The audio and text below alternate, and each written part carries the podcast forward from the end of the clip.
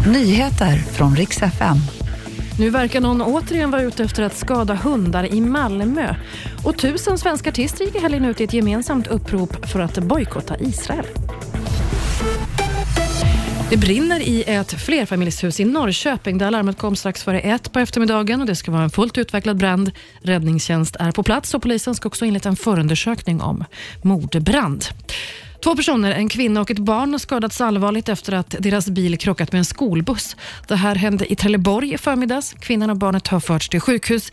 I nuläget finns det ingen brottsmisstanke här.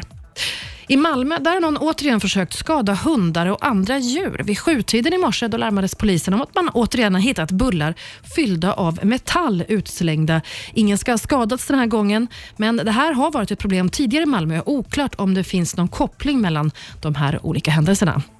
Tusen svenska artister gick i helgen ut i ett gemensamt upprop om att Israel, ska bojkottas från Eurovision Song Contest på grund av krigsbrott i Gaza.